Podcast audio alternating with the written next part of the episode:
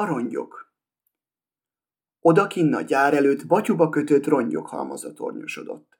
A rongyokat a világ négy tájáról szedték össze, minden darabkának megvolt a maga története, s a maga nyelvét beszélte, csak persze nem lehetett egyszerre valamennyit hallani. Voltak köztük hazai rongyok is, külországiak is. Ott egy dán rongyhever, egy norvég rongy mellett. Ez ízig-vérig dán, az szíve gyökeréig norvég. És ez a legmulatságosabb mindkettejükben, így vélekedne minden józan eszű dán meg norvég.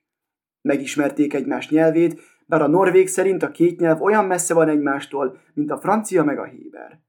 Nekünk, a sziklás ormok zord lakóinak a nyelvünk is férfias, erőteljes, a dán meg nem más, mint édeskés gyerekgügyögés.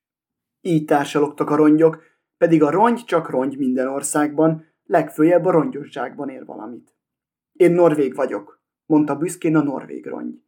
És ezzel azt hiszem éppen eleget mondtam.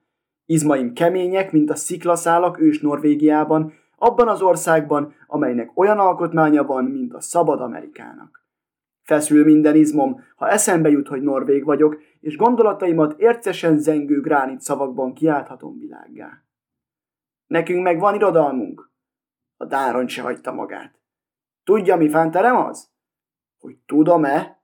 kiáltotta bosszúsan a norvég rongy. Tisztelt alföldlakó barátom, kedvem volna felvinni önt a sziklaormokra, ahol az északi fény a lámpás. Amikor a norvég nap elolvasztja a jeget, felhajóznak hozzánk a dán kalmárok, használható portékákat, vajat meg sajtot árulnak, s a dán irodalmat kínálják ráadásnak. Csak hogy nekünk nem kell.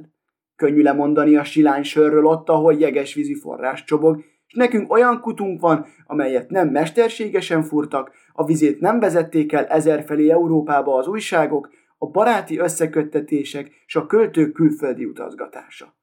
Én szabadon szólok, ahogy a szívemből kikívánkozik. Szokja meg a Dán az egyenes beszédet, meg is tanulhatja tőlem, büszke sziklás hazámtól, amely a teremtés bölcsője. Valamire való Dán rongy nem beszélne így, mondta megvetően a Dán. Mi másfélék vagyunk. Én jól ismerem magamat, és tudom azt is, hogy valamennyi Dán rongy hozzám hasonlít, jó lelkűek vagyunk és szerények, mert nem nagyon bízunk magunkban. Ezzel persze nem sokra megyünk, de nekem tetszik ez a tulajdonság, olyan rokonszembes. Különben biztosítom, hogy tisztában vagyok a maga merényeivel, de nem beszélek róla, senki sem vetheti a szememre, hogy kérkedem.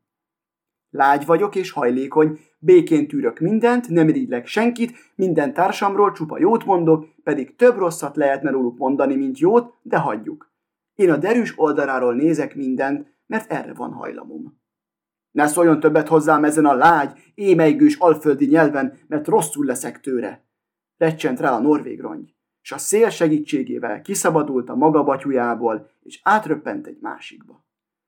Nem sokára papír lett mind a kettő, Véletlenül úgy esett, hogy a norvég ronyból készült papírra egy norvég ifjú hűséget fogadó szerelmes levelet írt egy dán leányhoz, a dárony pedig egy dán költő kézirat papírja lett. A költő egy ódát írt rá, amelyben a norvégek erejét és nagyságát dicsőítette.